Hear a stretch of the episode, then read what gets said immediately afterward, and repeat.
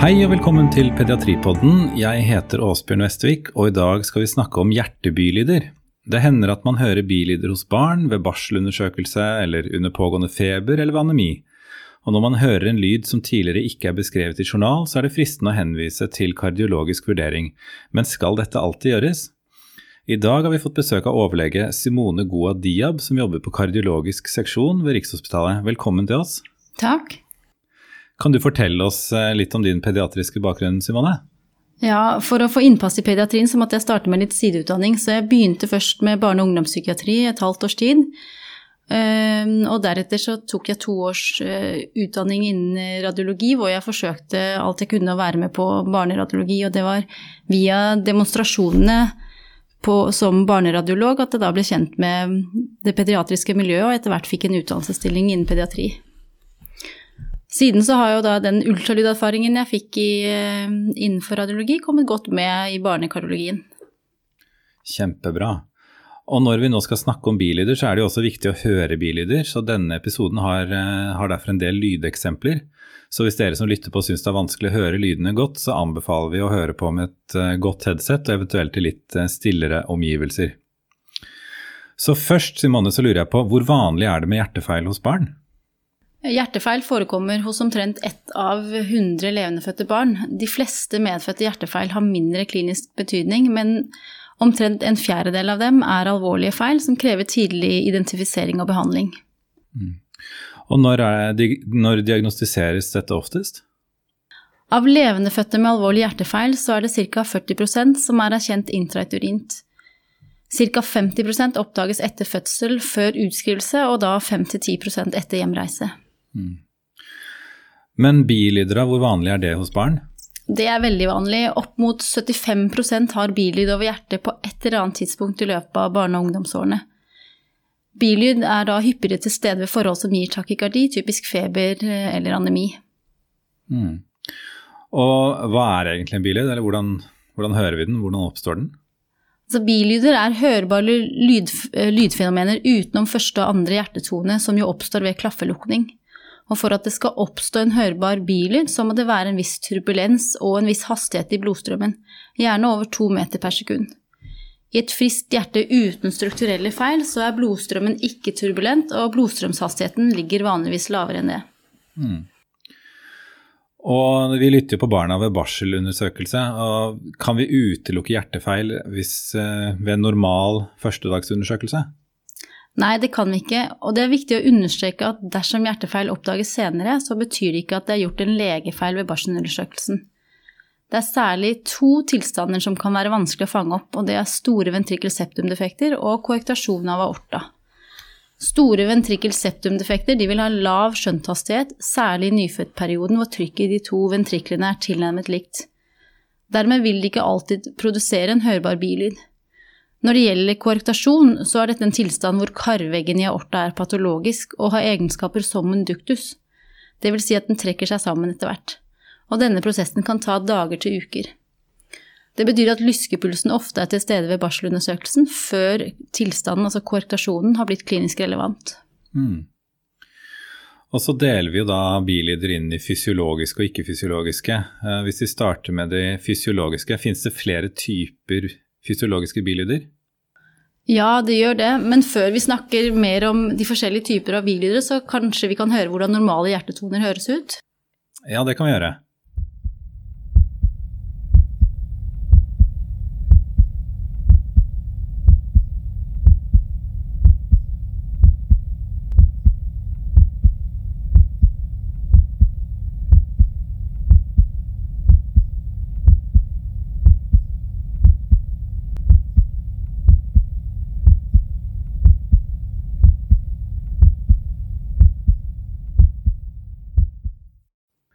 Hva er det vi hører her, Simone?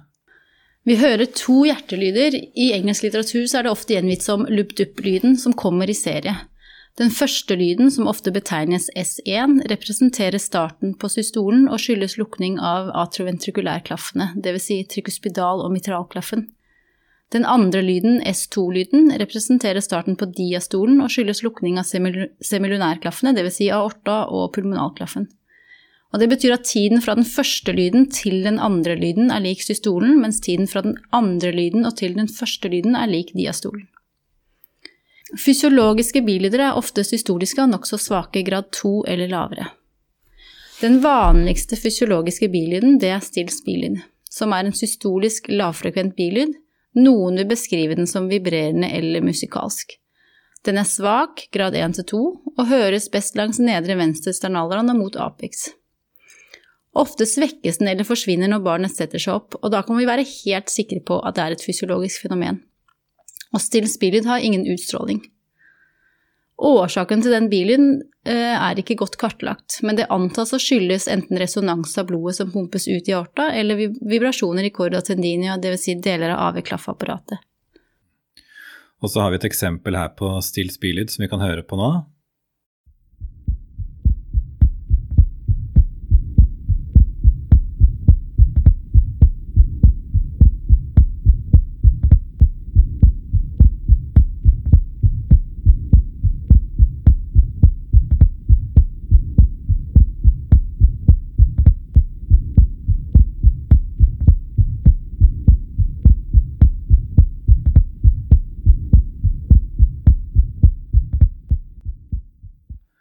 Ja, her er det jo en ekstra suselyd, men den er jo ikke så veldig sterk. Nei, nettopp. Det er en svak systolisk bilid som sniker seg med. Og disse to lydene som jeg beskrev i stad, altså lub-dup-lydene, de er eh, bevart. Det er nærmest bare en liten sånn ekstra, en liten ekstra summing på den første lyden. Mm. Har, har, vi andre fysiologiske bilyder enn eh, still? Ja, det har vi. Eh, den nest hyppigste det er den pulmonale ejeksjonsbilyden. Det er også en systolisk lavfrekvent og svak bilyd. Noen vil beskrive den som mer blåsende enn stils. Den høres som regel best ved øvre venstre sternalland, men kan ha utstråling til aksille eller rygg. Og da er det lov å bli i tvil om hvorvidt den er fysiologisk. Det samme gjelder for øvrig perifer pulmonalstenose, som er vanlig første leveår, særlig hos premature. Og så er det venesusbilyden, som er en systolisk diastolisk, ofte kontinuerlig bilyd, men igjen svak. Den høres best på høyre side, igjen langs sternalranden. Det at den også affiserer diastolen, det kan selvfølgelig skape tvil om hvorvidt den er fysiologisk eller ikke. Da kan det være en hjelp at bilyden svekkes ved hodedreining og forsvinner i liggende stilling. Mm. Hovedregelen er egentlig at svake systoliske bilyder sjelden er patologiske, og bilyder som kommer og går, aldri er patologiske. Eh, har EKG og røntgen thorax noen rolle i utredning? Nei, EKG og røntgen har ingen rolle som rutinetrening. En bilyd er et lydfenomen som skyldes fysiologiske eller i verste fall patofysiologiske anatomiske forhold og ikke endringer i hjertets impulsledning. Selv komplekse anatomiske feil kan ha et normalt EKG. Samtidig vet vi at enkelte feil, slik som AVSD, har en avvikende akse. Dersom barn har andre risikofaktorer, f.eks.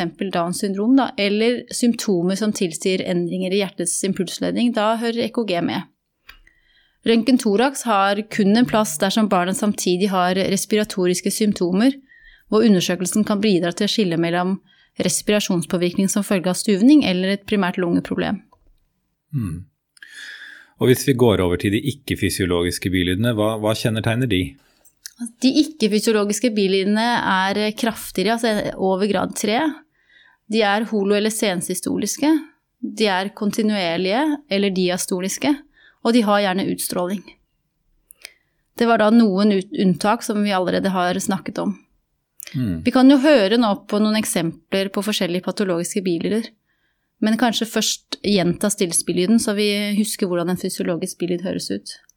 Ja, det kan vi.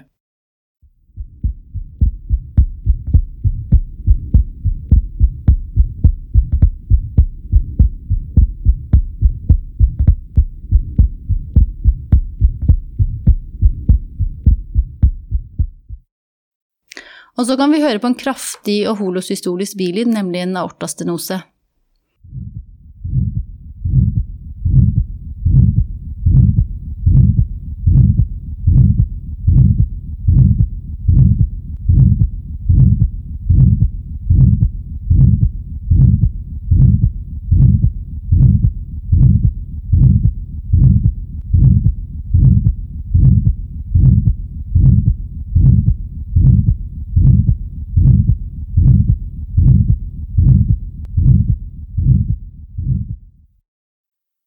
Ja, denne er jo klart kraftigere, i alle fall når vi hører den eh, fysiologiske stilsbylyd rett før. Men er det slik at hvis man er i tvil om det er en kraftig bylyd eller ikke, så er det under grad 3, vil du si? Ja, det syns jeg er en god arbeidsregel. Hvordan vil du gradere den vi akkurat hørte? Nei, jeg syns den var ganske sterk. jeg. Kanskje fire, kanskje? Ja, da er vi enige. I tillegg så er denne bilyden vi akkurat hørte, holosystolisk. Dvs. Si at bilyden starter samtidig med første hjertetone og varer helt til andre hjertetone. Vi kan spille av enda et eksempel på en holosystolisk kraftig bilyd.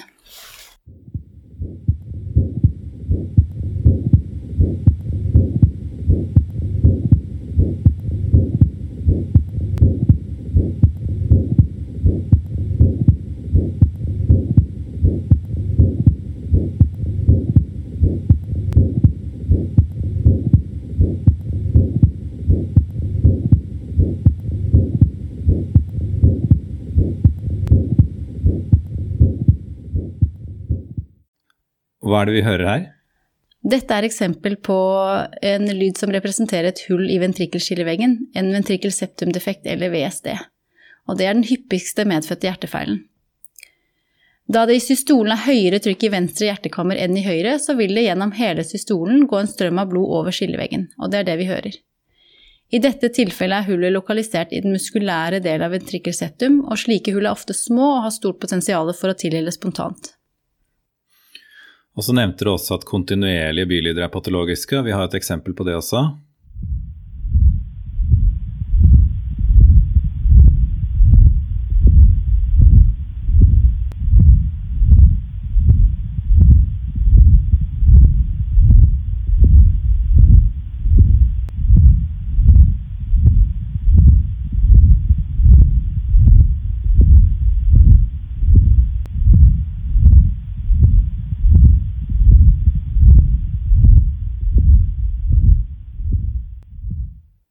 Hva er det som skaper denne bylyden, og hvorfor hører vi den både i systole og diastole? Dette er en persisterende ductus arteriosus, en PDA, som er en føtal forbindelse mellom system- og lungekretsløpet. Mer spesifikt er den lokalisert mellom innersiden av aortabuen og proksimale del av venstre pulmonalgren. Under normale fysiologiske forhold så vil trykket i systemkretsløpet til enhver tid, dvs. Si både i systole og i diastole, være høyere enn i lungekretsløpet. Det vil derfor være en konstant strøm av blod i duktusen, og det høres som et kontinuerlig sus. Og så har vi de diastoliske bilydene som alltid er patologiske, sa du? Mm, ja. Og så har vi et eksempel på en her.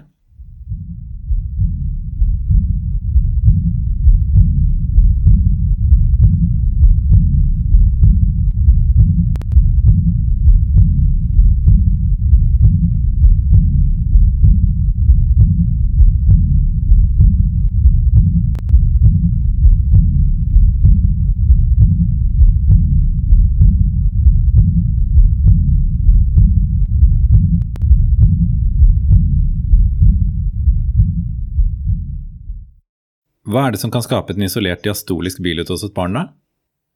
Det vi hørte nå, er en aortainsuffisiens. Eh, det er også andre mulige årsaker, f.eks. stenose av eh, AV-klaffene, altså mitral eller trikuspidalstenose. For å høre diastoliske bilyder, gjelder det da som hos voksne å ta pulsen samtidig som man lytter? Det kan være en hjelp. Diastoliske bilyder kan være vanskelig å identifisere hos barn grunnet rask hjertefrekvens og uro. Men da må man også klare å finne pulsen. Det er ikke alltid lett, det heller. Nei, det er jeg enig i. Og når vi da har hørt en bilyd og vi vil henvise pasienten til dere, er det da nyttig, syns du, at vi beskriver eh, bilyden som blåsende eller musikalsk, eller hvor kreative skal vi være i henvisningen, syns du?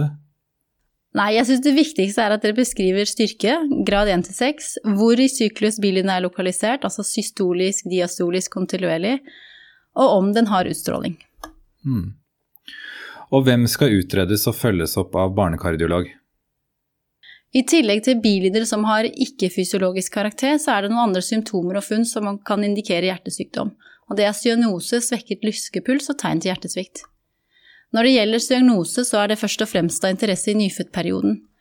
Barn som har passert eh, og vært symptomfrie de første levemånedene, har sjelden cyanotisk hjertefeil. Det er viktig å merke seg at vi om, det vi snakker om her, er sentral cyanose. Perifer cyanose er aldri en kardiologisk diagnose. Lyskepuls har også særlig interesse de første levemånedene, men det finnes sent oppdagede korrektasjoner der puls og blodtrykk i underekstremitetene er redusert. Hos barn som er forbi spedbarnsperioden, så er vi ikke bekymret for cyanotisk hjertesykdom. Da er vi ute etter symptomer og tegn til hjertesvikt. Og da ønsker vi at man spør, barnets, spør til barnets utholdenhet, vektoppgang og eventuelt økt svettetendens, da det gjelder først og fremst de minste barna.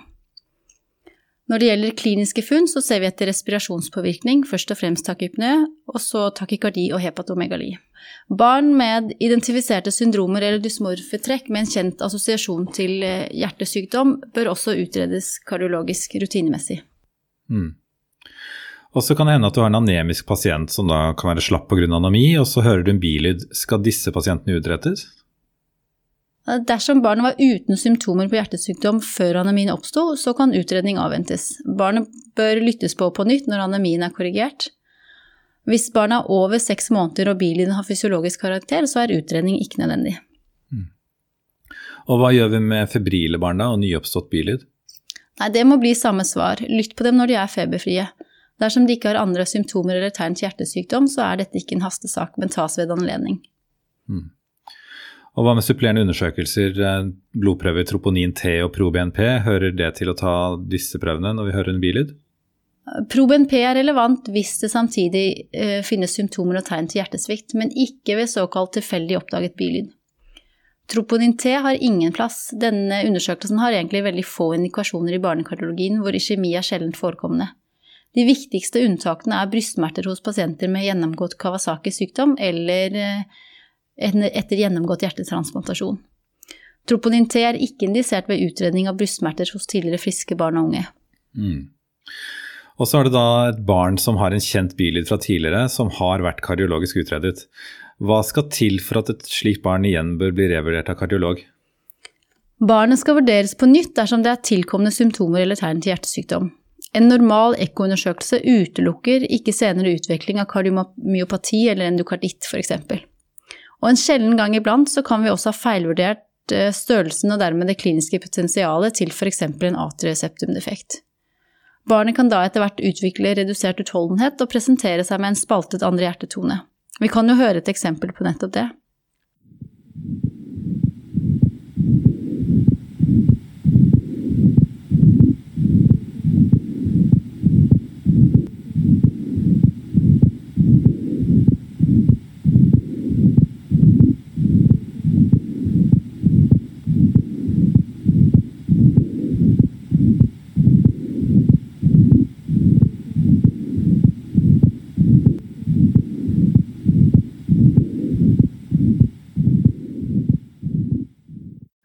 Ja, når du sier det, så hører jeg at det er en splitt i andre hjertetone, men man må jo, man må jo vite hva man hører etter, da. Ja, og denne lyden syns jeg er enklere å høre når man forstår mekanismen bak. Så her er det en ater septum-defekt, en ASD, som skjønter blod til høyre side i hjertekammeret. Høyre ventrikkel blir da dilatert og bruker lengre tid på å tømme seg. Dermed så lukker pulmonalklaffen med en liten forsinkelse i forhold til aortaklaffen, og andre hjertetoner spaltes i to. Mm. Og når et barn da er henvist til dere grunnet billyd og kommer for vurdering, velger dere da å avstå fra å gjøre en ekko-kår hvis dere vurderer bilyden til å være fysiologisk? Hvis vi får en tilsynsforespørsel på et inneliggende barn, så nøyer vi oss av og til med anamnesaklinikk. Det er god hjelp i å bla gjennom journalen og se om bilyden har blitt hørt konsekvent eller bare av og til. Når det gjelder barn som henvises til vår poliklinikk, så undersøkes de alltid med ekko, og det skyldes flere forhold, bl.a. forventningen til pårørende. Men dersom barnet er over seks måneder og klinisk frisk, så er undersøkelsens omfang begrenset. Da tar det ca. ti minutter, og vi tar en, kanskje tolv bilder. Mm. Tusen takk Simone Diab for at du kunne være med og beskrive bilyder eh, med oss, og gi oss gode tips til hvordan vi kan håndtere dette på våre pasienter. Klarer du til slutt å trekke ut tre take home messages som de som hører på må sitte igjen med? Ja, da må det bli at barselundersøkelsen kan detektere hjertefeil, men ikke utelukke hjertefeil. At svake systoliske bilidere er sjelden patologiske, og bilidere som kommer og går, aldri er patologiske. Og til slutt at barn som har passert spedbarnsalderen, har ikke cyanotiske hjertefeil, og undersøkelsen bør fokusere på symptomer og tegn til hjertesvikt. Kjempebra. Veldig hyggelig at du tok deg tid til å komme hit, Simone. Og jeg håper at du vil komme tilbake ved en senere anledning. Takk for at jeg fikk komme. Mm. Og takk til alle som lytter på. Vi høres igjen om en uke.